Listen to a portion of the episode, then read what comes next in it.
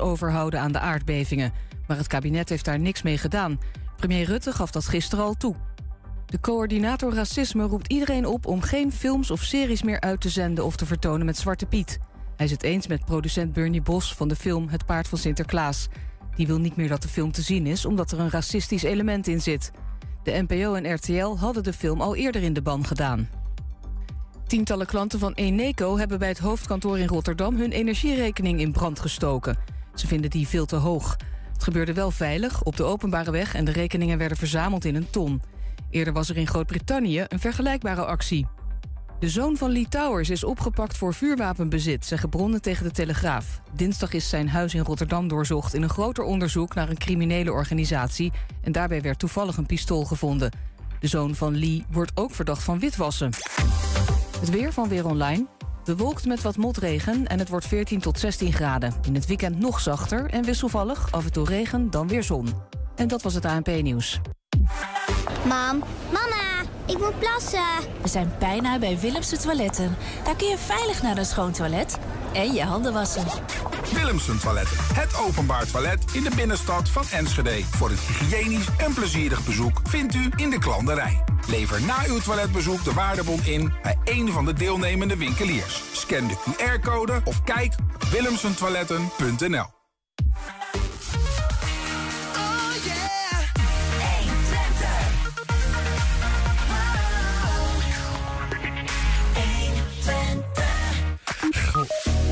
Glanenbrug slaat de handen andermaal in één. Op twee van de vijf basisscholen staat sinds deze week een ontbijtbar. Maar we hebben genoeg voor allemaal, zegt aanjager Danny de Jong. We gaan de Enschedeze binnenstad in met een stelling die niet iedereen graag beantwoordt. En met 160 km per uur over de Twentse landweggetjes. Normaal word je ervoor opgepakt.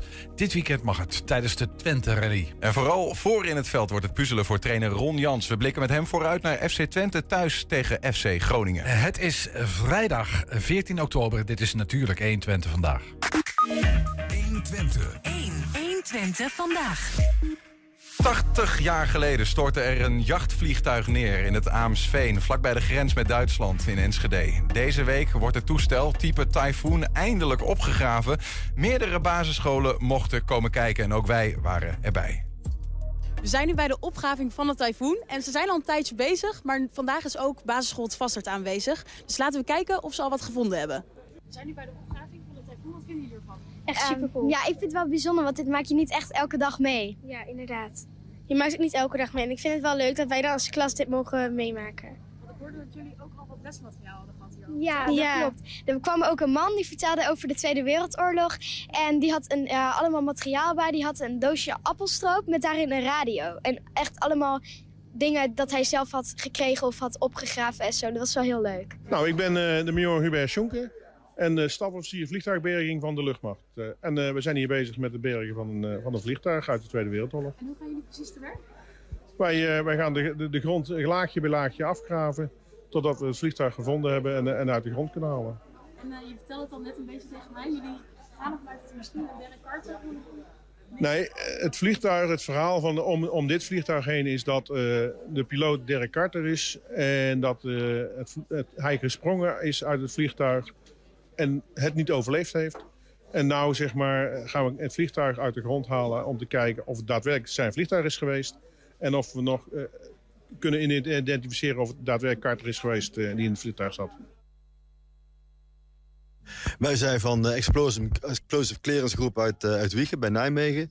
En uh, de EOD heeft ons eigenlijk gevraagd, of de, de vliegtuigbergingsdienst van de, de luchtmacht... heeft ons gevraagd om uh, bijstand te, te, leveren in het opgraven hier van een vliegtuig. Cool. En waarom zijn jullie hier nodig? Um, Clearancegroep. Uh, ons normale standaard dagelijks werk is het opruimen van munitie uit de Eerste Tweede Wereldoorlog. Uh, en hier zou het mogelijkheid zijn dat onder het vliegtuig nog steeds uh, bommen zouden kunnen hangen. En dus munitie. Wij gaan er vanuit, we gaan ervan uit dat er geen stoffelijke resten van, van Carter in het vliegtuig zitten. Mogelijk wel bezittingen van hem in die tijd, maar we gaan ervan uit dat, dat hij echt gesprongen is zoals het verhaal is, zeg maar. En dan gaan we hem hier niet aantreffen. Hopen jullie precies te vinden? We hopen eigenlijk zoveel mogelijk van het vliegtuig te vinden. We hebben nu uh, een boordkanon gevonden. We hebben uh, munitie gevonden, we hebben raketten gevonden, we hebben kleine deeltjes van het vliegtuig gevonden. we hopen de motor nog te vinden, want daar staat een nummer op. En dan kunnen we ook kijken of het motornummer hoort bij het vliegtuig wat we denken dat het is. Dus ja, we hopen zoveel mogelijk nog te vinden.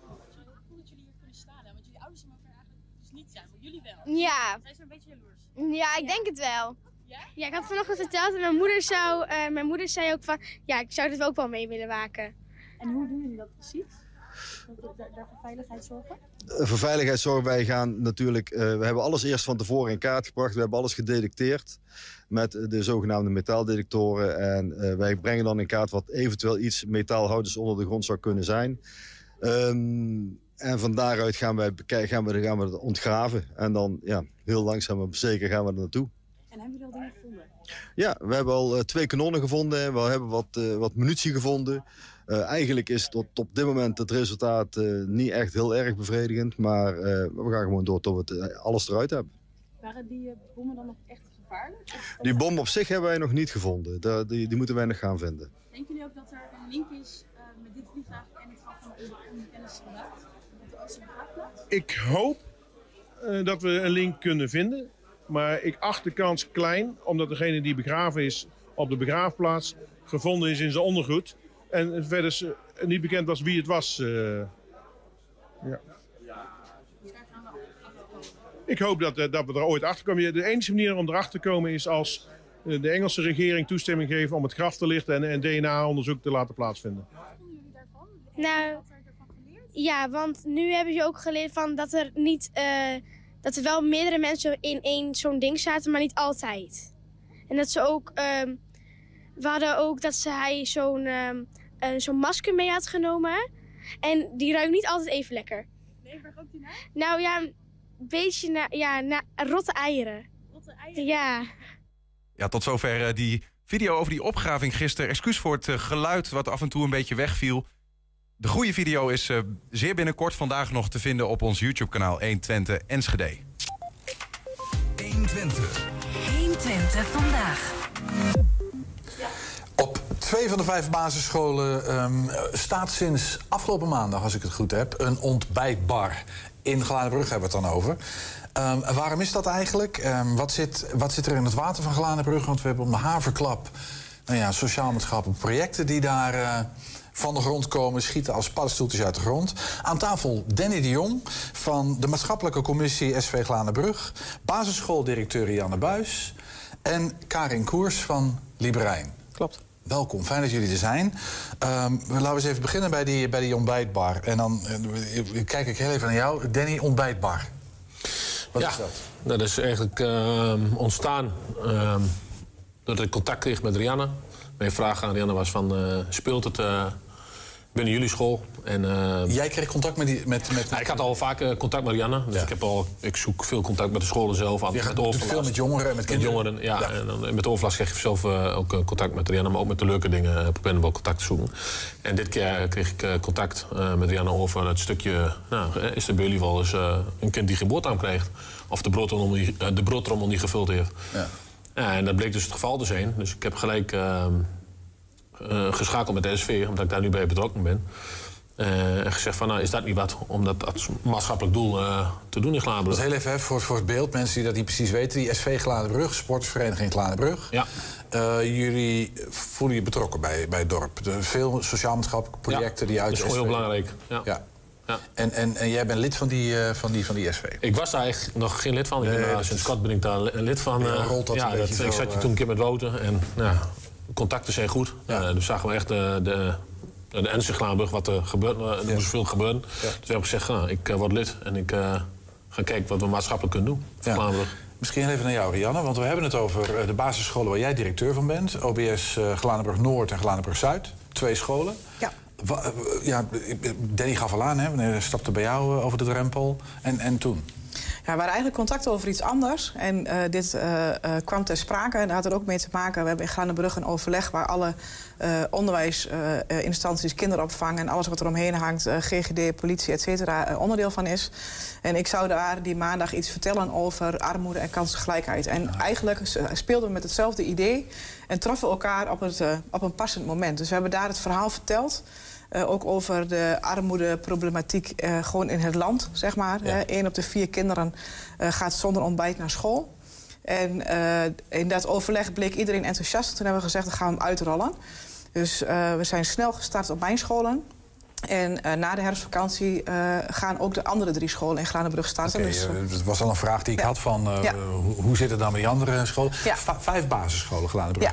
Hoe, hoeveel leerlingen hebben het over? Op, je, op even jouw twee scholen ongeveer? ongeveer 200. 200. Ja. Eén- en één op de vier in Nederland weten we. Ja. Eh, hebben we cijfers van Glanenbrug? Heb je enig idee? Of dat... Ja, het is heel erg moeilijk te achterhalen, want dan moet je mensen gaan vragen eh, hoe het eh, zit. En ja, dat je, gaan ze ziet- niet doen. je ziet die kinderen en dan heb je middagpauze... en dan gaat er wel of geen Nou ja, weet je, over als, open. ja, als we kijken naar de eerste dag ontbijtbar op beide scholen... dan zien we de eerste keer, geloof ik, 20 kinderen op de ene plek... en een stuk of 15 op de andere plek. Mhm. En dat is, per dag is dat anders. Eh, we zien ook dat er kinderen in de loop van de ochtend toch nog komen... omdat ze wat honger hebben en alsnog een boterham pakken. Eh, daar is het ook voor bedoeld, hè. Ontbijt is belangrijk. Maar ja, als die yogis, die yogis in groep 8 hebben... en hebben altijd honger. die- Hebben altijd honger. Ja. Die willen altijd ja, denken. Ja, ja, maar ook als je lunchtrommeltje niet gevuld is, kan ook daar wat in. Er is fruit eh, voorhanden. En... Maar jij merkte, want dat begrijp ik wel uit jullie verhaal... jij merkte dat het ook op jouw school... dat er gewoon echt kinderen komen die zonder of met nauwelijks eten in hun maag... Zonder broodrommeltje op school verschijnen. Ja, en met name... En is, is er iets wat toegenomen is de afgelopen jaren? Vraag me even. Eh, we hebben de indruk dat sinds de eh, coronatijd, maar ook vooral eh, nu met de verhoogde prijzen rondom gas, boodschappen, benzine, nou ja, verzin Je het allemaal mensen maar. het zwaarder krijgen. Het steeds zwaarder krijgen. En dan moet je ergens keuzes maken en die is logisch. Ja, en op heel veel dingen kunnen wij als scholen of als organisaties niets in betekenen, maar in dit stuk wel. En eh, eh, we merken ook dat het goed is. We zien... Nee, heel even, ik kom nog uit de periode dat wij eh, de- tussen de middag... eh, ik geloof vijf kwartier vrij hadden en dan ging je naar huis... In veel huishoudens stonden dan aardappels op tafel tussen de middag. Ja. Maar kinderen blijven nu over altijd, hè, bij Ja. jullie op school. Ja. ja. Ja. Dus, dus, dat, dus, dus die moeten ja, eten mee hebben genomen. Ja. Want anders gaat het niet goed. Ja. Ja. Hey, en die, misschien heel even, nou ja, we komen zo meteen ook bij jou. Ja. Maar even, even die, die ontbijtbar, Danny. Want jij hoorde van, nou weet je, dat speelt ook in Glanenbrug. Ja, ik en- denk en dat, dat, dat mag in een dorp niet gebeuren. Ik bedoel, in, in heel Nederland niet, denk ik. precies. Nou, dat vooropstellen. Nou, Maar denk- Nederland is een dorp. Ja, nou ja, voor mij eh, is alleen Glanenbrug een dorp. Maar goed, dat is voor mij, daar maak ik hard voor. En eh, op dat moment toen ik dat hoorde, ik denk, eh, dat gaan we gewoon dat gaan we oplossen. Ja, en hoe heb je dat gedaan? En dat, dat doe ik niet alleen. Dat wil ik wel erbij zeggen. Er zijn echt heel veel vrijwilligers die straks op de grond gaan staan... die heel belangrijk hierin zijn. Dus die verdienen eigenlijk van mij wat... eh, een standbeeld. Ah, die allemaal aan tafel die moeten eigenlijk allemaal aan tafel zitten. Dat kan niet, we hebben jou. Maar goed, eh, we proberen op te zetten. Dus die mensen zijn heel belangrijk. Eh, de ondernemers, eh, eh, de Jumbo, de Albert Heijn, de kaasboer. Want jullie zijn langs de ondernemers gegaan. Ja. En je hebt dit probleem voorgelegd. Ja. En je hebt gezegd, jongens, wat gaan we doen? Nou, we hebben gezegd van we hebben een budget in het stukje welzijn van de sportvereniging.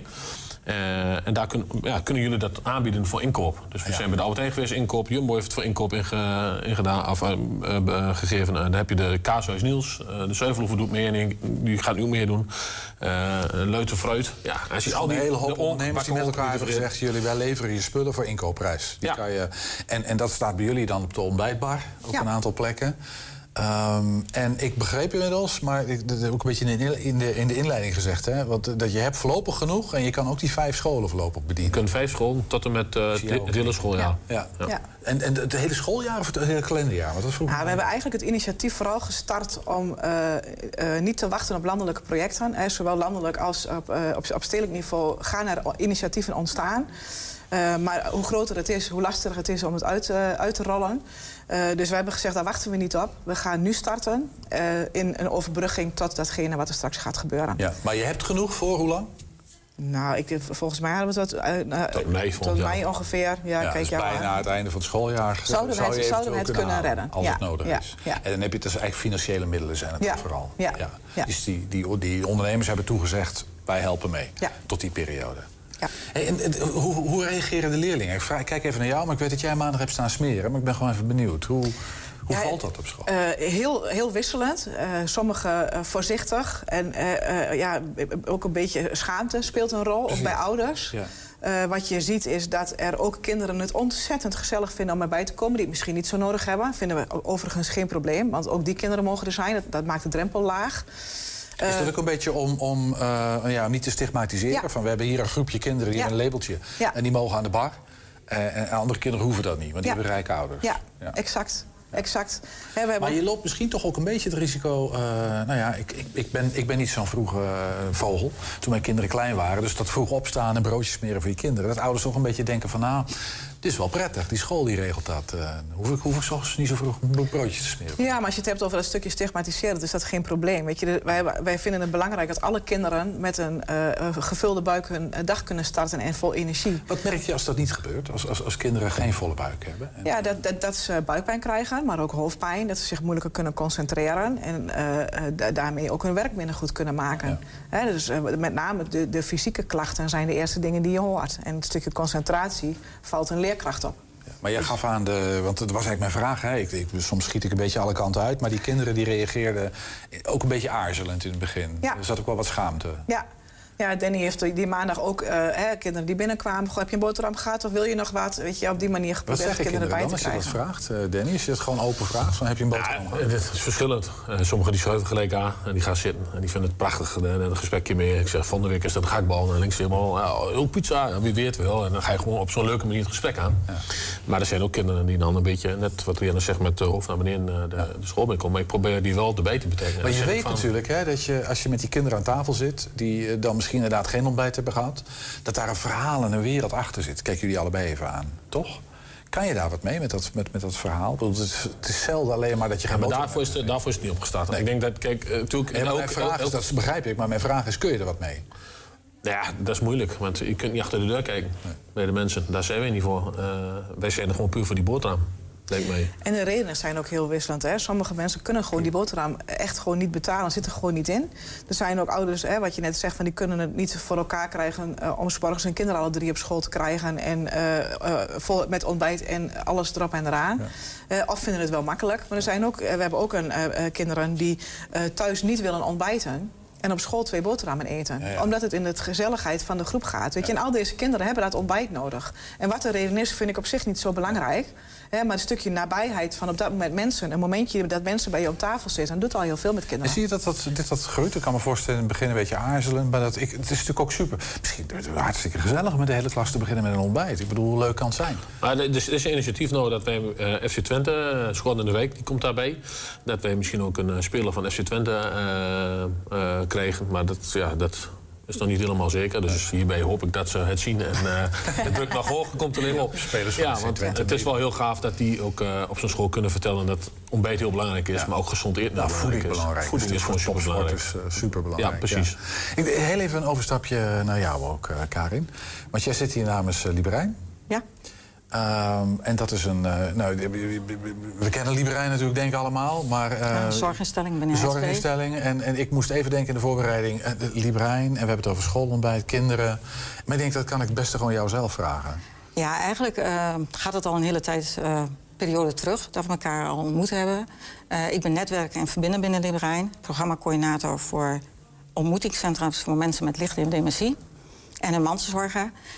En daar zit het eigenlijk. Ik ben een netwerker omdat ik uh, ook deze mantelzorgers uh, aandacht moeten hebben. En ja, zo kom je dan in het project, samen één tegen eenzaamheid uh, terecht. Want je ziet daar wat gebeuren. Je ziet daar in gezinnen wat gebeuren.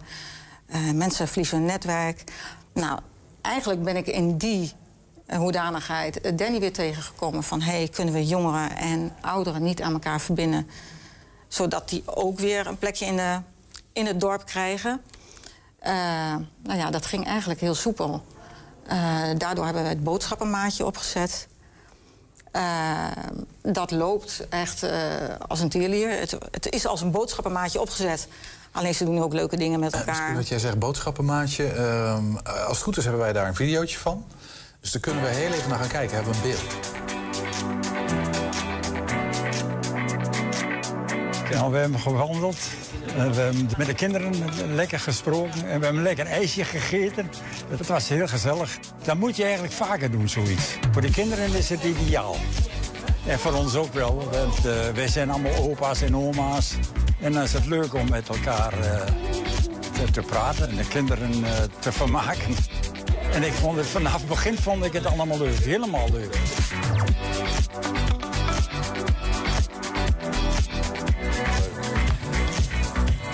Hè? Want ehm, eh, wat, wat, wat, wat gebeurt hier? Wat zien we? Nou, dit is, uh, dit is een ouderen bij de Liberijn Ariushuis. En die hebben we gekoppeld aan de kinderen van de BSO. En wat eigenlijk, wat we, omdat coronatijd, iedereen, ja, iedereen weet in het Ariushuis... heeft daar ook flink toe, toegeslagen. we houden de mensen er graag weer uit. Maar ja, ik zie hier ouderen met kinderen over straat gaan. Ja. Maar je zegt boodschappenmaatje, zijn ze boodschappen gaan doen? Nou, dat was eerst de intentie. We hadden zoiets van, nou weet je, dan gaan ze boodschappen doen. Dan maak je ze weer uh, de weg naar de, uh, naar, de, naar de supermarkt weer, naar de, naar de bakker. Want het zijn echt ouderen die anders de deur niet veel uitkomen? Nou ja, of, uh... echt binnen blijven zitten. Ja. de angst voor corona, eigenlijk niet weten wat ze, wat ze nog kunnen. Ehm, die vereenzamen. Ja. En dan wil ik niet zeggen dat deze meneer vereenzaamt, maar toch wel een grote deel. Ja, nee, dit, dit, was een meneer die volgens mij best wel redelijk. Uh, maar het is wel, vond het vooral leuk voor de kinderen en voor hem ook wel. Nou, voor hem ook wel hoor. Uh, en het, uh, het is ook de maatschappij. We hebben een hele vlugge maatschappij. Ouderen kunnen daar niet zo snel aanhaken. Dus, en de bewustwording bij de kinderen weer, dat deze ouderen er ook naar zijn. En het gesprekje. En als je ongemerkt ziet wat een kind dan weer leert van een oudere. Uh, een van die kinderen had wat moeite met rekenen. En deze meneer is erbij gaan zitten. En uh, nou, die hebben dat heel leuk weer opgepakt. Uh, nou, we hadden een FC Twente speler, of wat was het? FC Twente fan. Nou, dat, dat was ook een klik. Ja. Nou, ze kijken ernaar uit. En dat is eigenlijk wat we nu eigenlijk willen, is bij elkaar weer. nou, die, die lunchbar is dan begonnen. Ja, uiteindelijk zal dat doorgang moeten vinden. Uh, om maar, daar weer ouderen in te zetten. Precies. Om, om wat jij maandag deed, broodjes smeren. Ja. Om te kijken of je een paar ouderen bijvoorbeeld... die, uh, die met die kinderen aan tafel een broodje kunnen en ja. een kletspraatje kunnen En zo kun je ook de continuïteit uh, bewaken. Uh, ouderen die krijgen weer, uh, die hebben weer een doel nee, om ergens naartoe te gaan. Heel helder wat, wat, wat daar doel van dus is. Dat is het. En, en ja. uiteindelijk willen we eigenlijk nog de mentalenten in gaan zetten. En dat zijn mensen die uh, beginnen dementie hebben. Maar gewoon nog heel goed mee kunnen in een maatschappij. Ja, hoe mooi is dat om daar al die aansluitingen weer te vinden. Ja, zie je dat zitten? Ja, ik vind het fantastisch. Weet je, op deze manier ben je als school zijn... Uh, hè, we zijn uh, maximaal onderdeel van de maatschappij, maar ook heel geïsoleerd. En ik denk dat dit hele mooie dingen zijn. Hè. Ik vertelde net, we hadden vanmiddag een voorstelling... als afsluiting van de kinderboekenweek. Hoe leuk is het dat als onze opa's en oma's... die aan onze school gekoppeld zijn, ook daarbij komen. Ja, en er zijn op scholen zoveel dingen waar ze bij kunnen zijn. Zitten al jouw collega's er zo in? Ja, ik kan me voorstellen wel hoor. Is misschien een... Uh...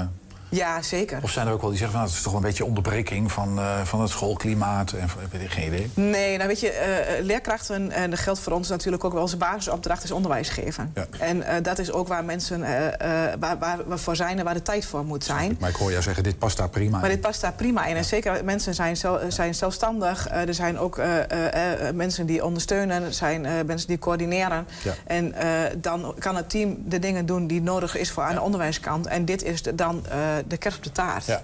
Ja. Belangrijk, snap ik. Ja, ik de school de Bonhoeffer doet er ook in mee. Dat is ook wel een mooi stukje, want ja. uh, die is ook ontstaan uh, bij Rianne. En dat doet uh, FC Noord, Christian Renshoff, die doet daar wat in. die is ook al heel veel betrokken bij ons. En die heeft gezegd van, nou, weet wat is, ik ga eens kijken. Die doet een vrijwilligersorganisatie. En die heeft gezegd van, ik heb jongeren van de Bonhoeffer. Uh, ik ga de bonden vragen uh, of ze mee willen werken. Nou, we, ik heb gisteren telefoon gekregen dat het ook doorgaat. Dus ook ja. die jongeren worden betrokken bij het stukje. Ja, je maakt het bruggetje een beetje voor me. Want ik wil heel even toe, en dan sluiten we misschien ook wel af, maar heel even toe naar een soort van vraag die, met, die eigenlijk ons allemaal wel een beetje bezighoudt hier op de redactie. Wat, wat, wat zit er in dat Glanenbrugse water? Wat is er hemelsnaam loos in Glanenbrug?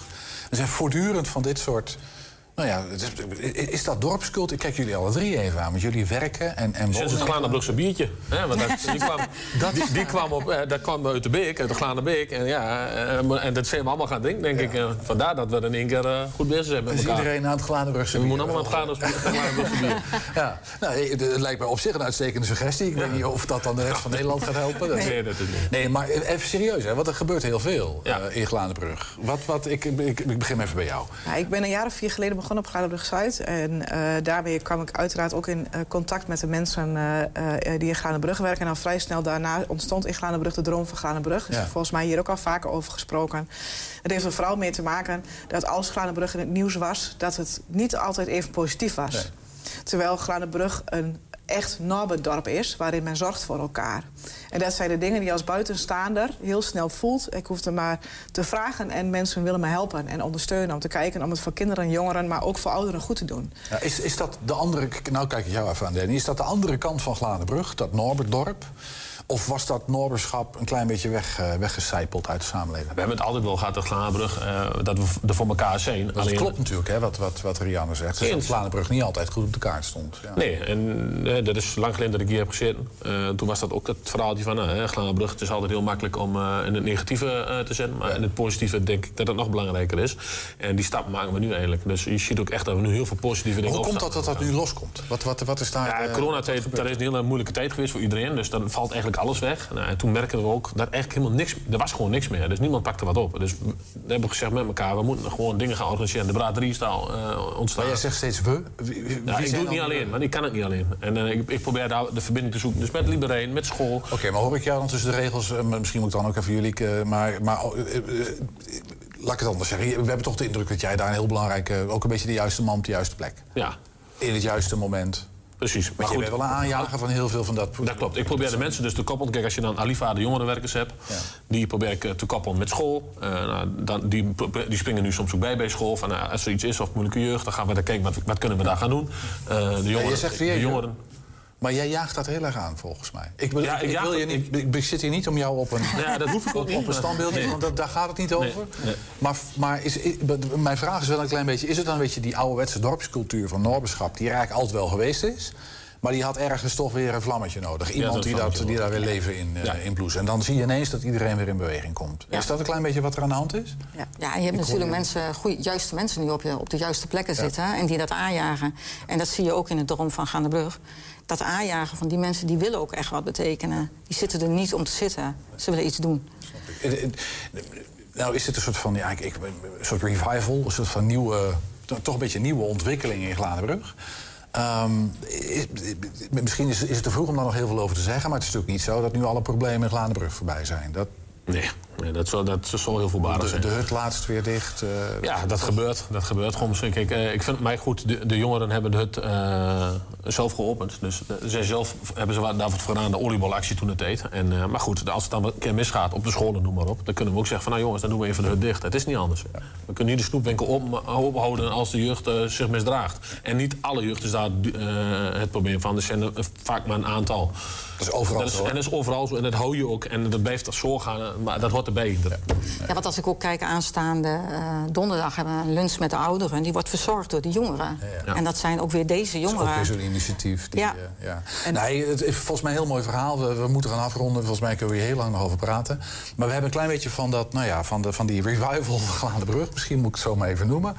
Uh, belicht, positieve kanten van belicht. En natuurlijk zijn er niet alle problemen opgelost. Maar dat ontbijt, ontbijtbar... Uh, nou, die wordt in ieder geval vervolgd. Dat is een ding wat zeker is. En daarin zie je eigenlijk terug de kracht van Glanenbrug. De samenhang. Die is echt mooi. Ja, dan sluiten we daarmee af. Dank, je, dank jullie wel, alle drie. Met 160 km per uur over de Twentse landwegen. Ja, Normaal word je ervoor opgepakt, maar dit weekend mag het. Straks praten we over de Twente Rally. 1 Twente. 1, 1 Twente vandaag. Iedere vrijdag gaan we de binnenstad van Enschede in om de mensen daar te onderwerpen aan een uh, stelling. Deze week is die stelling even interessant als gênant. Een bruine trui breien, um, de grote boodschap doen, nummer twee. Kleien, een ontlastende verklaring afleggen. Allemaal synoniemen voor poepen. Uit onderzoek van een badkamerspecialist blijkt dat twee op de vijf Nederlanders... dat het liefst alleen in zijn eigen huis doet. Ik vroeg me af, hoe zit dat eigenlijk in Enschede? Dus ik ga de straat op met de stelling van de week. Ik heb poepangst. Oh, daar heb ik totaal geen last van. Nee. Nee, nee, totaal niet. Ontzettend. Ontzettend, man. De hele dag door. Echt? Ja. Oké. Okay. Kan er niet meer tegen. Hé, hey, waarom? Als ik moet, dan moet ik. ja, is dat logisch? nee, ik niet. nee, totaal niet. Nou, het schijnt dat twee op de vijf Nederlanders last heeft van poepangst. Oh, verschrikkelijk is dat toch? Nee hoor, ik heb er geen last van. Nee, nee. nee. We hebben een poepolie, dus... Uh, dat, Wat, jullie hebben een... Poepolie. Een poepolie? Ik leer nog eens wat. Nee, ik scheid alles aan elkaar. Echt, het maakt me allemaal niks uit. Echt niet. Totaal geen angst. Nee, jij gaat niet, zoals we net hoorden, even s ochtends in eigen huis... en dan s'avonds ook weer, maar niet... Eh, jij gaat overal. Overal maakt me niks uit. Echt niet. Nee, ik heb geen last van. De toiletteren? Oh, Twente, oh, ze kennen ons hier toch niet. Dus... Maar nou, er zit er toch een stukje schaamte. Blijkbaar. Voor twee op vijf Nederlanders. En nu dan, heren, last, last van poepangst? Poepbox. Ja, twee op vijf Nederlanders heeft er last van. Die gaat niet buitenshuis. Het liefst niet buitenshuis. Maar wij niet in het westen hoor. Nee, hoor. Nee, maar in het westen wordt gewoon overal en nergens gescheten. Jullie hebben er scheid aan. Wij wel verschijt dan. En alles mag bij ons. Sorry, ik eh, heb even geen commentaar eh, hierop. Ik snap dat wel een beetje. Ongemakkelijk. Ja, inderdaad. Dat is dus precies het probleem, dat het een beetje ongemakkelijk is. Ik poep liever thuis. Eh, hebben we er meer last van? Herkennen mensen? Nee, natuurlijk. Twee op de eh, vijf, hè, zei ik net. Dus even kijken. 1, 2, 3, 4, 5, 6, 7, 8, 9, 10. Hier. Eh, vier van jullie moeten last hebben van poepangst. Jij? Nee. Nee? Jij? Niemand, niemand poept op school. Nee, ik hou van poepen. Maar niemand poept op school. Dat is gewoon vies. Niemand poept op school? Maar dan loopt iedereen krom op school. Nee, ja, dat ligt maar aan jezelf. Maar dat is Als je tactiek. Ja, Poepen voor, voordat je naar school gaat en als je terugkomt. Ja, voor school poepen. Poepen op school is raar. Snapt u het dat mensen daar last van hebben? Jawel, zeker wel. Zeker wel. Ja, misschien dat ze het gênant vinden of zo om ergens anders gewoon ja, buiten hun eigen huis heen te gaan, zeg maar. Misschien dat het daarmee te maken heeft. Wel, ik ken het wel. En begrijp je... Nou, nou, ik heb een kleinzoon, die, eh, die gaat alleen maar thuis. Die gaat echt niet op school. Maar hoe doet hij dat dan als hij langere tijd weggaat? Ja, nou, hij houdt het op. Ja, ja. Pijn in zijn buik? Ja, maar da- daarvan zeggen mensen dus nu, dat moeten we eigenlijk moeten we voorkomen. Want dan kunnen we niet meer goed werken en dat soort dingen. Heel goed. Heel goed. Ja, ik zou het niet weten, joh. Vaker, wij zijn vaak op, vakantie geweest. Dan zie je mensen die op vakantie niet kunnen. Die lopen al dagen met... Die kunnen niet, maar die lopen dagen met zo'n buik. Die lopen krom. Die lopen echt... Die kunnen bijna niet meer lopen van de poepangst. Hebben jullie dan mij last van poepangst? Ja, zoveel. Nou, ligt wel soms. Ja. Toch meer? bij- Ik snap het, ik bedoel, uiteindelijk doen we het allemaal. Maar het is toch, is toch soms wat gênant blijkbaar om eh, in een openbare gelegenheid eh, te poepen. ja, ik vind het gewoon ongemakkelijk als het stil is. Dan kan iedereen, maar dan zou het helpen om misschien een muziekje aan te doen. Nou, ik heb wel altijd, stel, ik doe dat niet thuis of zo. Dan ga ik wel altijd op TikTok zitten of zo. Van stel hij valt, dan, dan, dat je het minder hoort, snap je? Dat er even een, eh, een muziekje uit je telefoon komt. Ja. Een vriendin van mij heeft een eh, radio op de, op de wc. Dus als ik op dan op de wc zit, dan eh, zet ik de radio aan en dan ga ik gewoon radio luisteren. Knetterhard. Ja. Liever een poepje voor iedereen dan buikpijn voor mij alleen. Poëzie op de donderdagmiddag. Ze moeten gewoon luier aan doen. Ja, dit is een Ik heb zelden zo'n inhoudelijk onderwerp gezien, eh, Niels, van je. Dat is fantastisch. Ja, ja, en de inhoud moet er soms uit, hè? Zeker. Dat is het een beetje. Ja, dat blijkt. Ja, heb je goed die- gedaan. Heb je goed gedaan. Ja, eh, dankjewel. Ja, het was, het was eh, be- best wel vermakelijk toch om te zien hoe mensen met zo'n onderwerp omgaan. Ja. Heerlijk is dat. Ja. 120. 120 vandaag.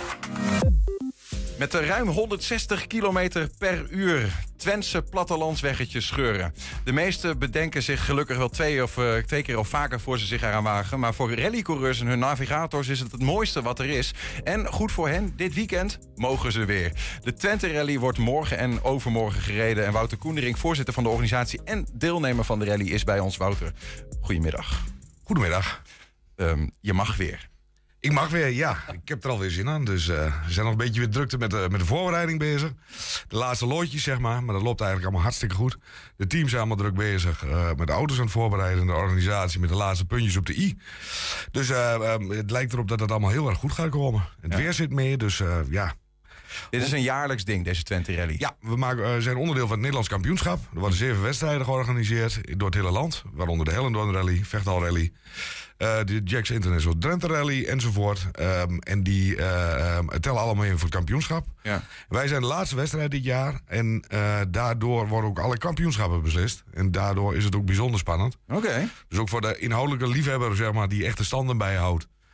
Kan die zich komend weekend heel goed vermaken. Ja, is dat altijd zo? Dat de Twente Rally de...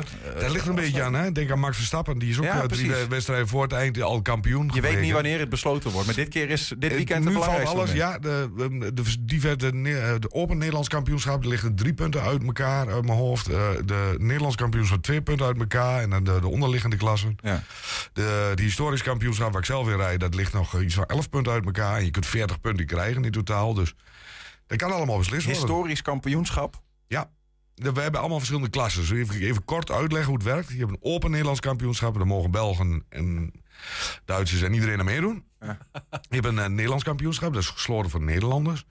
Eh, in het Open Nederlands kampioenschap, eh, daar rij je met de snelste auto's, de R5 noemen wij dat, de Rally, Rally 2 auto's officieel. Dat zijn ook de snelste 4x4's. Daaronder is een klasse, eh, daar kun je met een eh, wat simpeler auto, eh, maar nog steeds een superauto, ook echt meedoen voor het Nederlands kampioenschap. En eh, die wordt ook beslist. En dan noemen, we, noemen wij dan weer de, de Rally 3 auto's. En, en daaronder, we hebben alles opge- opge- opgedeeld in diverse klassen. En jij zit zelf in het historische. En dat is weer een aparte klasse, ja, een vreemde eend in de bijt.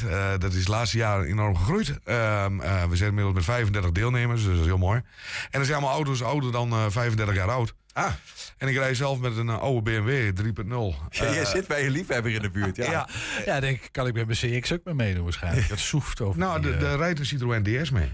dat Harry Martens is dat. Eh, die haalt geen eh, eh, extreme snelheden, maar hij rijdt wel mee. En dat is, dat is vooral ook het meedoen. En dat is gewoon hartstikke mooi om te zien. Iedereen met zijn eigen merk en eigen, dingetjes bezig. Zullen we een stukje gaan kijken? Even een stukje van. eh, we hebben wat beelden van voorgaande edities. Even kijken en dan leg ons even uit eh, wat, we- wat we zien. Ja, hier zie je Van Loon. Erik van Loon is dit. Ehm, dat is al een tijdje geleden. Maar dit zijn bijvoorbeeld de R5-auto's die je nou voorbij ziet komen. Dat is echt de, de allersnelste klasse. En even kijken wie dat is. Ik moet goed zien. Dat, dat is ook een R5-auto, ja. Dat is van twee, drie jaar, drie jaar geleden. Ja. Deze zit met duct tape aan elkaar voor de luisteraar. Ja, dat is onderdeel van een rallysport. Je moet het hele weekend door blijven rijden. En als je een ongeluk hebt, dan heb je een team. En die, eh, dat is Lambert Parra trouwens. Ehm, heb je een team die, die, die dat onder, onderwijl nog weer repareert. En dat is een onderdeel van die sport. Je moet ook niet helemaal goed bij je hoofd zijn, volgens mij wel. Dat ben ik zelf toevallig. Oh ja, dat ben jij? Ja, dat ben ik. Ja, dat is meer om het publiek even te vermaken Ja, natuurlijk. ja, ja. Dus de Ja, maar, maar daar ben je ook wel een goede coureur. Hè? Want je trekt hier gewoon even een donut. Ja, nou, dat is stijlvol dit hoor. Hey. Ja, nee, dat, is, dat, dat lukt aardig, laat ik dan zo zeggen. Ja, ja.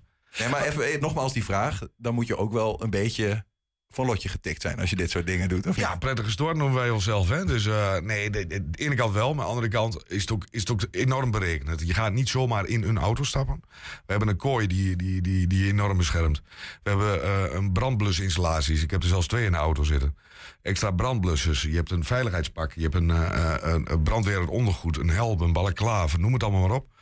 Is extreem veel aan veiligheid gedaan. Ja, dat Dus- is ook niet overbodig. Je gaat echt met een loeigang door onmogelijke weggetjes natuurlijk. Mijn auto heeft een, op, op- een topsnelheid van, eh, van een kleine 200 km per uur. En, en Haal je dat wel eens op zo'n Ja, zeker. zo'n rit? Met enige regelmaat. Dus eh, dat is wel de bedoeling, hè? Dus dat, dat, door, door die hoge snelheden heb je betere tijden. Dus. Zijn het nog steeds dezelfde routes die jullie rijden? Of, of, We proberen het elk jaar een beetje te veranderen, een beetje aan te passen. Wat we nu gedaan hebben is eh, proef Zeldam en vlakbij Goor is dat. En, en proef Bentelo. Die hebben we daar eh, jaren eigenlijk in het licht gereden op de zondagmiddag. Die hebben we nu, nu verplaatst bijvoorbeeld naar, naar de vrij, zaterdagavond in het donker. en dan precies. andersom. Dus, Bijvoorbeeld. dus je weet ook niet altijd wat er op je afkomt. Dat is niet een, een, Nee, je een mag, bekende, je, bekend je mag het verkennen, hè? Dat, dat is een onderdeel van de sport. Je mag het twee keer over verkennen. Dat doen we op zaterdagmiddag. Dan zie je ook allerlei auto's al rijden. Gewoon op gepaste snelheid uiteraard. Die, eh, die houden zich aan de wet. En dan mag je alle bochtjes en hoekjes en gaatjes en paaltjes... mag je precies opschrijven. En met jouw codes dat je er zo hard, hard mogelijk doorheen kunt. En daarmee eigenlijk eh, zien dat je je collega's eh, te snel af bent. Ja, ja, maar dat doe je niet alleen. Het is altijd met een navigator naast je, toch? Maar je komt zo verschrikkelijk veel bochten tegen. Denk aan zo'n weekend. eh, nou, dan maak je, ik heb het nooit precies uitgeteld, maar je praat toch over 5.000, 6.000 bochten wat je maakt. Ja. A, onthoud je er niet. En ook al onthoud, zou je ze on- kunnen onthouden, dan ga je ze door elkaar houden. Want Ja, dan lijken ja, ze op ja, elkaar. Dus ja. maar gaat het dan op zo'n Twentse rally, gaat het dan hard right? Of gaat het als in eh, scherp rechts? Ja, gaan? Nee, nee, nee. Ehm, iedereen heeft zijn eigen codes. Eh, ik gebruik Engels, Nederlands, alles door elkaar. Eh, ehm, een flat out is bij mij in het Engels bijvoorbeeld. Hè? Dus dat je vol gas gaat. En een, en een haaks rechts is echt bij mij haaks rechts in het Nederlands. Dus Maar als jij navigator bent? Of... Nee, als, ik geef aan hoe ik het hebben wil. Oké. En mijn navi, mijn compagnon zeg maar, die, die, die, die, die leest dat terug. Ja, ja. En, en het spel tussen de navigator en de, en de rijder is het allerbelangrijkste. Want eigenlijk niet de rijder die rijdt, maar de navigator die bepaalt echt de, echt de snelheid. Die stiet er niet zomaar even naast de libellen te lezen of zo. Die, doet echt, eh, die zorgt er echt voor dat je tempo hebt. Dus die zijn baas eigenlijk. Ja, ja, maar je zit ook samen in de auto. Hè? Kijk, jij bedient het gaspedaal, maar als hij het niet vertrouwt, moet je van het gas af. Als je dat niet doet, heb je geen vertrouwen.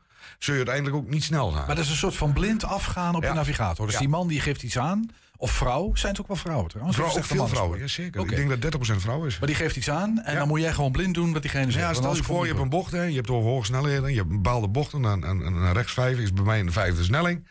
En je gaat er vol gas door, maar er staat een heg aan de binnenkant. Dus je ziet niks. Je weet niet hoe die scherp die is en dat weet je niet precies. Dan zeg ik rechts 5 plus, dus bij mij bijna vol. Eh, blind, vol. Dan weet mijn navi dat hij mij er door- doorheen moet schreeuwen als het ware.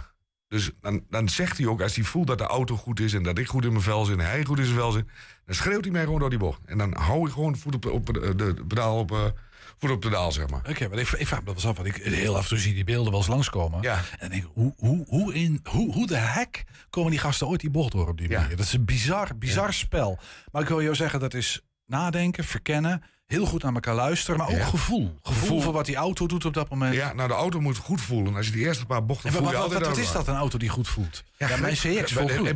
Ja, het begint met grip. Hè? Dus als je een bocht instuurt en je banden zijn op temperatuur en dat klopt allemaal. En, eh, en de jongens hebben een goede afstelling gemaakt, dus je hem hebben wilt. En die auto voelt dan goed, dan ga je gewoon harder.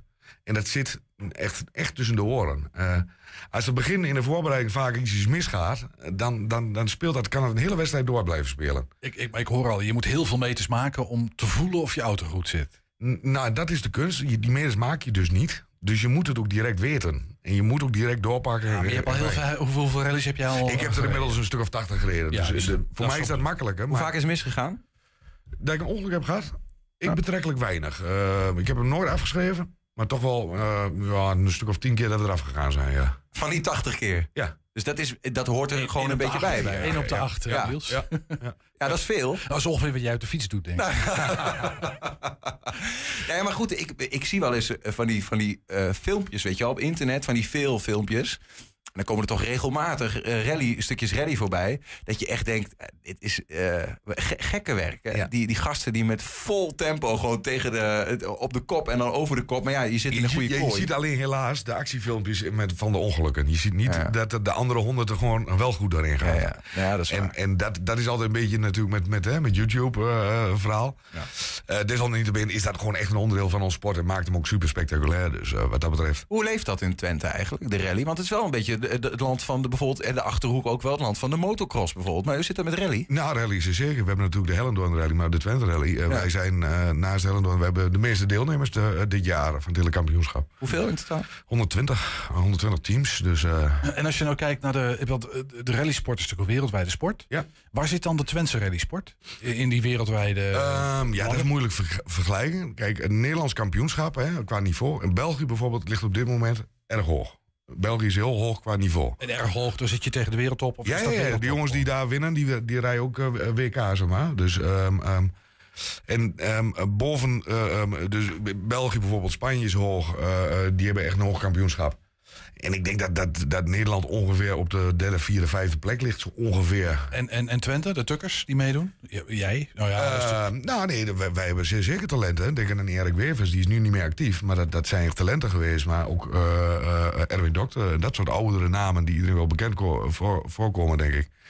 Die, dat zijn toch echt jongens die in de, in de wereldtop mee hebben hebben gedraaid. Ja, Mea culpa, ik, ik ken ze niet. Nee, Eh, ehm, maar misschien ben ik daar te, te jong voor of heb ik me toch te weinig bewogen in dit uh, rallywereldje? Nee, maar zo'n Evan, Evan- Kevin Abbering bijvoorbeeld, dat zijn namen. Die jongens die, Hans Wijs die nu meer rijdt, dat zijn echt jongens van WK-niveau. Ja, ja. En Hans Wijs die rijdt nu tegen Jim van Heuvel. Ja, dat zijn die jongens als die echt door zouden zetten, die kunnen echt mee in de wereldtop. En wat zegt dat over, hoe zien we dat terug in zometeen de- morgen en overmorgen langs die wegen, zeg maar? Leeft het ook bij bezoekers? Hoe, wat verwacht je daarvan? Nou, bij bezoekers sowieso. We zien altijd bij de Diamantstraat, hè, dat is ons beetje ons, ons pareltje eh, qua organisatie. Eh, eh, daar komen de auto's, drie rondjes rijden ze daar. Dus je ziet ze daar veel meer. Plus, we hebben het zo gesitueerd dat je twee, drie bochten tegelijk kunt zien. Plus, we rijden dat in totaal, gaan we er ook nog keer, drie keer langs. Dus we komen er negen keer langs. Daar staat iedereen.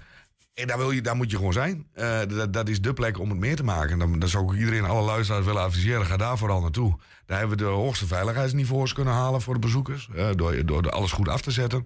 En dat is alles geregeld. Dat is een speaker, een geluid, de muziek en alles erbij. Eten, drinken, noem het allemaal maar op. Dat is echt voor de niet direct liefhebber, is dat de plek om echt, echt te gaan kijken. Maar eh, nogmaals, als je aantallen v- voorgaande jaren, hè, hoeveel bezoekers staan er langs zo'n rallyparcours? Ben je heel afhankelijk van het weer. Het is tussen de 15 en de 30.000 man. Oh, dat is... Ja, het het is een enorm uitgestrekt gebied. Dus je telt ze heel moeilijk terug. De politie maakt ook schattingen. En dat is ook weer over twee dagen enzovoort. Maar de evenementen zijn enorm groot hoor. Dat, dat, en je, maar je, nogmaals, je ziet het niet terug. Het is niet zo dat iedereen over een kaartje moet kopen en dat soort dingen. Maar we zien het aan het bezoekersaantal bij ons op de website. Die gaan op zo'n weekend gaan die over de 100.000 per dag. En is, is, is dat hetzelfde publiek dat eh, bij Max Verstappen langs de Formule 1 staat? Ja, dat of is denken toch een wij ander wel, soort? ja. En ik maar denk dat dat ook goed gegroeid hoe, hoe zit dat voor jou? Rij, rij jij wel eens op een gewoon circuit? Ja, heel af en toe. Maar Ja, ik niks beters te doen heb. Hè? Nee, nee er, is, er is een soort van positieve strijd tussen de, de jongens van het, van, het, van het asfalt, zeg maar. En we hebben daar een naam voor die die niet meer hardop gaan zeggen. Jawel, Oké. dat staat op zeggen hier. Dat kan niet. Ja, je Nee, kunt dat, ons dat alles- zou je dat moeten vertalen als eh, asfalt genderneutrale mensen. Zo, als zoiets, zoiets dergelijks. Nee, eh, nee, dat is eh, hartstikke prima. Maar dat, dat zijn jongens die, die zijn altijd heel puur en zuiver met hun afstelling bezig. En wij, de rallyjongens, zijn toch ietsjes meer met een groot hart, zeg maar. Is een beetje de ruige. Ja, de, het de, de, het ruige het is de enige sport waar je twee ballen voor nodig hebt. Ja. De cowboys van. eh, van Ja, nee, dat is wel. Dat is, en, dat, en dat past hier heel goed in Twente. Brabant is ook super populair eh, eh, en, en, en dat soort dingen. Dat is toch wel even het. het, is ook, het is ook een teamsport, en laat dat niet vergeten. Je zag net die auto met, die duct, met dat duct wat je zei. Zonder je team val je uit. En, en als jij die jongens niet hebt, dan, dan haal je de finish gewoon niet. Het, is, het, is, het is nog steeds een uithoudingswedstrijd. Wouter, alle ballen verzamelen dit weekend, wat dat betreft. We gaan ons best doen, zeker. Veel Zeker, plezier met de. Twente Rally. Wouter Koenering, dankjewel. Dankjewel. Mooi hoor. Straks high-tech voor hardlopers op de Hengeloze atletiekbaan. En de vraag of online gokken een ding onder Enschedeze jongeren is. 120. 120 vandaag. FC Twente die neemt het eh, zondag in eigen huis op tegen FC Groningen. Vooral vo- voorin wordt het puzzelen voor hoofdtrainer Ron Jans. En je hoort hem nu met een voorbeschouwing op die wedstrijd. Hoe is de stemming deze week? Ja, goed. Eh goede week gehad. Goede oefenwedstrijd. Eh, nuttig. Lekker getraind. Dus eh wordt het weer tijd om eh, weer een thuiswedstrijd te spelen in eh, de mooie Goldsvesten. Ja, de voor, twee weken geleden hadden we het al een beetje over dat verschil tussen uit en thuis. Ja, die thuiswedstrijden liggen jullie wel lekkerder, lijkt het, maar die liggen jullie wel lekker. Vorig jaar waren de resultaten eh, volgens mij nagenoeg eh, gelijk eh, uit en thuis. Uit hebben we het echt fantastisch gedaan vorig seizoen. En ja, dit seizoen is het wel iets anders. Uit hebben we toch wel wat punten laten liggen nu. En thuis is geweldig. Ja, jij zei eh, lekker getraind. Eh, hoe, staan de, hoe staat de selectie er verder op? Er zijn natuurlijk een aantal situaties die, die we weten. Een schorsing voor Czerny en een blessure voor Solis. Want dat is een flinke tegenvaller, denk ik. Die is er ehm, eh, wel echt wel een poosje uit. Dus dat is echt heel vervelend. Uh, is geschorst. eh, is ook nog ziek op, het, op het moment. Dus die timing is misschien dan, dan goed. Maar ja, dat, dat zijn wel twee buitenspelers die, die je mist. Maar dat betekent dat andere buitenspelers weer hun kans gaan krijgen. Gelukkig, eerder dan verwacht bijvoorbeeld Daan Rots eh, terug. Die heeft nu ook net een nieuw contract eh, getekend. Vind je dat mooi eh, nieuws, denk ik, als trainer? Maar ja, ik wil eigenlijk jouw reactie even daarop weten. We hebben een aantal jongens die, die zijn erbij gekomen. Die hebben zeg maar een contractje getekend toen. Maar die hebben zich zo ontwikkeld en die krijgen zoveel speelminuten... Dat, dat we vinden dat, dat ze ook een beter contract verdienen. En ja, dan is het heel mooi dat club en speler eruit komen... en dat Daan tot 2025 in ieder geval hier speelt. Ja, ik zei net al, want iets eerder terug dan verwacht... eh, omdat die blessure tegen Emmen wat zwaarder leek dan die bleek te zijn. Vorige week kon hij alweer een, eh, een helft spelen. Zou, kan hij ook alweer gewoon 90 minuten aan? Omdat hij er eventjes dus wel uit is geweest? 90 weet ik niet, maar het is wel een jongen die altijd eh, conditioneel heel goed in elkaar steekt. En ehm, wat positief is, is dat ook eh, Danilo weer aansluit bij de wedstrijdselectie. Ja, misschien dan ook nog heel even Sadilek benoemen. Ik, die is inmiddels aangesloten bij de groep, ook weer op het trainingsveld? Of? Nou, hij heeft gisteren meegetraind en dat ging hartstikke goed. Alleen na afloop had hij toch weer ja, last. Dus ehm, hij is, eh, vandaag gaat hij eh, een weekje, of in ieder geval een poosje even, een paar dagen naar, eh, naar Praag voor een second opinion. En eventjes een andere omgeving, want het schiet maar niet op. En dat is maar één ding wat belangrijk is, dat hij, dat hij zich fit en, ehm, en vrij voelt. En ehm, ja, op het moment, ja, het, het schiet niet op. Dus, dus die is er voorlopig nog niet bij. Dus even opzommend. Solis, Czerny en Sadilek mis jij. Ja, we moeten ook nog even kijken naar Mees Hilgers, hoe het is met, eh met Celies. Dus eh, ja, eh, dat hoort erbij, hè. Maar dat is niet wat je wil, maar het is wel de realiteit. Zijn er dan nog op andere punten misschien... ehm, of plekken in het veld waarvan jij denkt... Hmm, misschien moeten we daar langzaam eh, ook een keer gaan denken aan verandering. Nou, ik moet ook een beetje denken aan Michel Flap... die na zijn blessure nog niet helemaal zijn vorm weer te pakken lijkt te hebben. Komt er al zo'n punt een keer dan bij jou dat je denkt... misschien moeten we wat anders gaan proberen? Oké, dus je geeft mij nou de strop en dan moet ik om de nek van Flap en van Wolfswinkel. eh, nou, ehm, Michel Flap en eh, Ricky van Wolfswinkel werken keihard voor het team. Ricky speelt op het moment helemaal niet slecht. Ehm, maar ja, hij heeft mij een goal, dat is niet veel. Uh, Michel Flap uh, heeft een hele goede voorbereiding gehad. Uh, kreeg toen een, een hersenschudding bij, bij Volendam. En is, is zoekende. en dan kun je twee dingen doen. Hè? En ik vind dat die jongens krediet verdienen. En, en, dat ze niet zomaar uit het elftal worden gezet. Dus ik vind het wel mooi om ze juist tegen de stroom in van lang niet iedereen, denk ik, maar wel een heel aantal mensen om ze juist vertrouwen te geven. Maar uh, ja, daarachter heb je natuurlijk ook wel jongens die uh, uh, zitten te azen. En, en dus, dus ja, er komt ook wel misschien een moment. Maar ik hoop dat het moment helemaal niet komt. Omdat ze gewoon doen wat ze kunnen. En wat ze heel graag willen. Ja, misschien vroeg ik het ook een beetje omdat Stijn dan nu weer terug is. En je ook weer die optie hebt. Ehm, die deed in ieder geval goed in de oefenwedstrijd afgelopen week. Of niet? Ja, nou, hij, heeft, hij scoorde uit een, een strafschop en, en een geweldige vrije trap. Ehm, hij speelde ook wel lekker in 90 eh, minuten. Dus eh, ja, ik, ik, was hartstikke blij, want hij is er echt wel een poosje uit geweest. En zo'n hersenschudding is ook moeilijk om voor een medisch staf of trainers om daarmee mee om te gaan. ja, die, hij, hij, hij, hij, klopt ook al wat op de deur daarvoor, ook in de voorbereiding. Dus dat is, dat is ook in ieder geval ook een optie. Dan naar de wedstrijd voor dit weekend. Ehm, is het misschien lastig om in te schatten hoe die erop staan. Ook omdat daar, ja, het lijkt niet, de laatste resultaten vallen dan tegen. Ja, dat is best, eh, best lastig. Want ze hebben met heel veel ja, verschillende spelers wel gespeeld. Ze hebben ook wel op verschillende manieren gespeeld. Uh, dan kregen ze weer in een wedstrijd een rode kaart. En dan, uh, ja, dan is het ook moeilijk analyseren.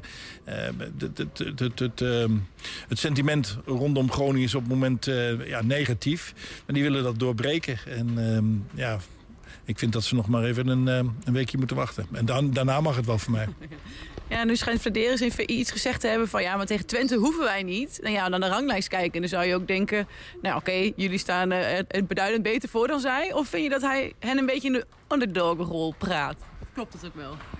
Ja, moet je aan uh, Mark-Jan Vladeris uh, vragen. is een beetje... Ja, ja, psychologie van de koude grond, kun je zeggen. Maar ik begrijp het heel goed, want het, het is wel, ik vind het eigenlijk wel mooi.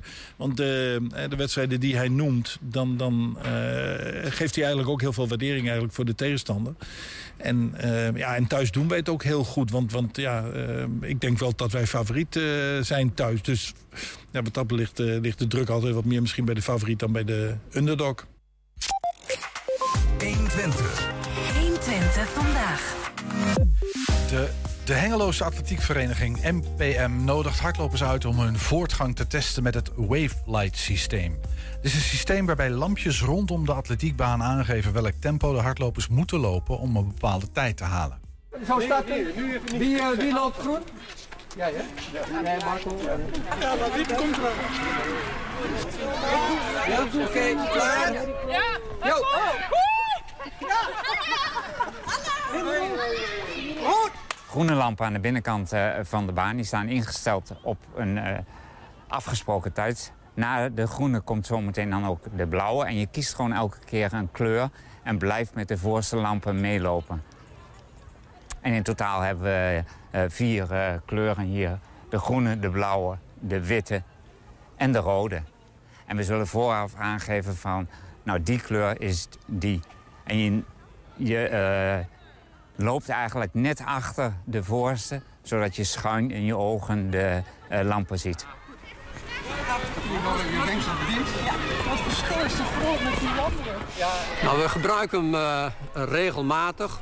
Uh, eigenlijk om ook op bepaalde momenten te meten... van goh, hoe, hoe zit het nou met de training en hoe, ver hoe sta je er eigenlijk voor met je tempo's. En lukt het om bijvoorbeeld een snellere tijd te lopen... dan je eigenlijk tot nu toe had gedaan...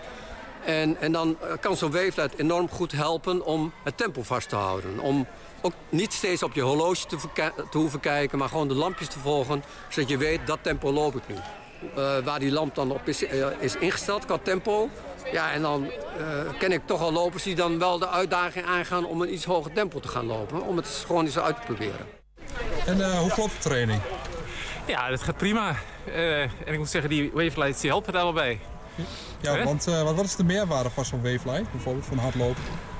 Nou, dat je je eigen je tempohardheid uh, eigenlijk intraint. Hè? Dus je, je kunt als je zonder zo'n lampje loopt uh, toch een beetje inzakken met elkaar. Er wordt nog wel eens wat gepraat tijdens, tijdens de training. En dan gaat de, gaat de gedachte wat van het tempo af. Maar met die lampjes blijf je, blijf je scherp. En dat is eigenlijk wel leuk, want uh, ja, ik merkte net al dat er ook werd gezegd van... nou, eigenlijk merk ik dat ik dit tempo best wel kan. Dus het is, het, je, gaat je grenzen er ook een beetje mee verleggen. Je kunt de volgende keer een ander lampje kiezen... Waardoor je weer uh, net iets uh, sneller gaat dan de vorige keer. Komende zondag is een officiële wedstrijd. We hebben officiële officials erbij. Hij is door de Atletiekunie erkend als wedstrijd. Dat betekent als je een limiet loopt voor een NK, Masters of voor een andere wedstrijd... dan is hij ook gewoon geldig. En daarnaast is het ook open voor niet-wedstrijdlopers. in principe voor iedereen in heel Hengelo. Klinkt als een aardig initiatief.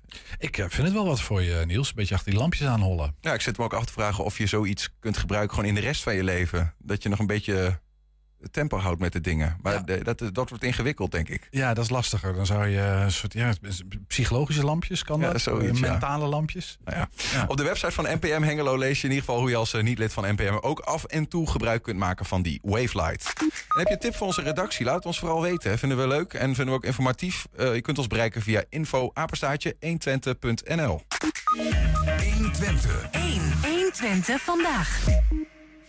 Jong.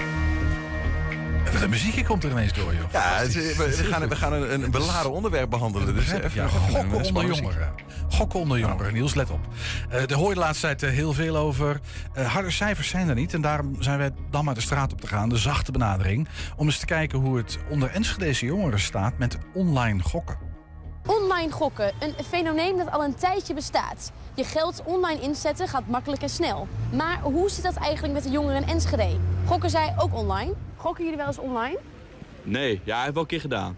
Uh, wat, wat, wat, hoeveel dan? Wat? Uh, nou, ik heb een keer een wedstrijd, open wedstrijdje ingelegd. Dus 50 euro. Gezet. Ja, een totootje gezet. 50 euro ingezet? Ja, ja en alle 50 verloren. Dus uh, ja, ik had meerdere wedstrijden gewet, zeg maar. Op elke ja, vijf wedstrijden heb ik 10 euro opgezet. Dus ja, maar ik alles, alles fout. Ja, met spelletjes wel. En wat Zoals voor spelletjes? Ja, FIFA. Als je pakketjes gaat kopen, dan betaal ik soms geld voor. Het is niet altijd dat je iets goeds vanaf kan krijgen, snap je? Jawel, wel eens, ja, wel eens. En hoeveel zet je dan in of verlies je? Ja, ik heb nu denk ik wel verlies gedraaid ondertussen, maar... En hoeveel? Niet heel veel, ik denk 20 misschien. Gok je zelf wel eens online? Nee. Nog nooit gedaan? Nee, ik ben geen 18, dus mag geen account aanmaken.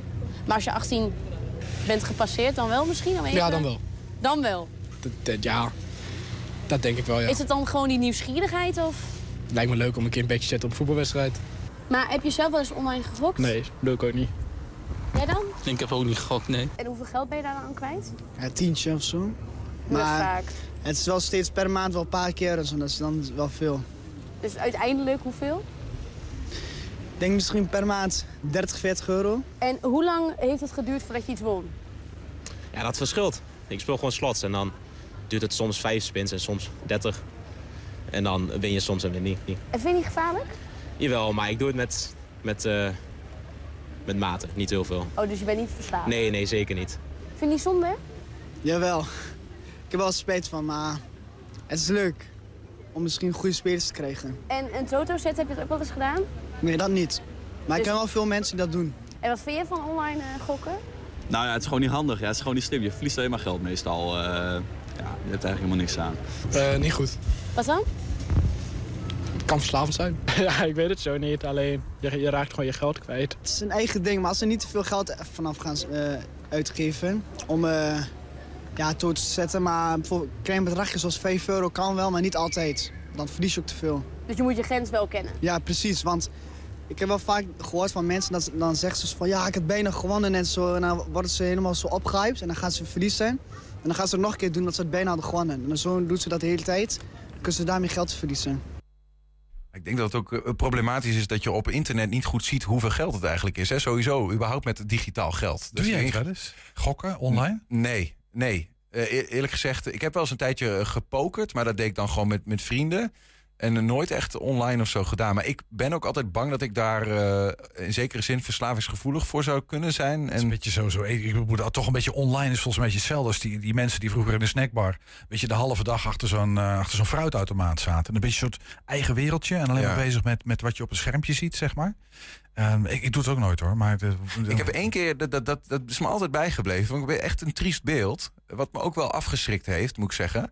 Je hebt op de, op de kermis, en dat vind ik heel leuk, heb je van die push-automaten. Ken je die? Dat is zo'n zo'n automaat en dan gooi je muntjes bovenin en dan gaat het muntje naar beneden. En dan komt er zo'n zo'n soort van veger en die drukt je muntje vooruit. En dan drukt hij weer andere muntjes aan en dan vallen de muntjes naar beneden. En met die muntjes kunnen we weer doorspelen. Nou, en soms vallen er ook plakaten naar beneden waar je punten van krijgt. En die punten kun je inleveren voor een knuffel. Nou, en dan betaal uiteindelijk 100 euro en dan krijg je een knuffel van 3 euro. Zo werkt dat ongeveer. Nou, weet je meteen het verdienmodel. En daar was op een gegeven moment een man en die was zo eh, obsessief daarmee bezig. Eh, en die had op een gegeven moment had hij zijn muntjes op. En wat doet hij? Hij pakt zo'n plakkaat van punten. Ja, daar kun je helemaal niet meer spelen. En die, en die is die gewoon echt hard door dat boven, waar die muntjes echt in moeten, daar doorheen aan proberen te drukken, weet je wel. Dus het ging helemaal niet meer om dat spel. Het ging alleen nog maar om die oefening van ik moet daar iets uit de automaat. Nou, en eh, ik zal het niet herhalen wat hij allemaal zei, maar hij vloekte erbij. En ik zag dat, ik dacht, ja, dit is, eh, ja, dat, ja, dat is best wel een heftig. Ja. best heftig, klopt. Ehm, maar ja, dit is wel het einde van onze uitzending. Het is een beetje triest, maar eh, we, gaan, we gaan er het strik omheen binden. Ja, dat is dan ook maar weer zo. Het is, het is kermis volgens mij komende week in Enschede. Dus dat is een mooie nou ja, round-up. We gaan weekend vieren, dat Zo is het geval. Tot zover 120 vandaag. Terugkijken, dat kan via 120.nl. Vanavond om 8 en 10 uur zijn we op televisie te zien. Dus eh, als je hebt geluisterd, dat kan ook allemaal. Zometeen hier DJ Non-Stop. Wij gaan een weekje op vakantie. Op maandag 24 oktober zijn we weer terug. Een mooie week en eh, graag tot dan.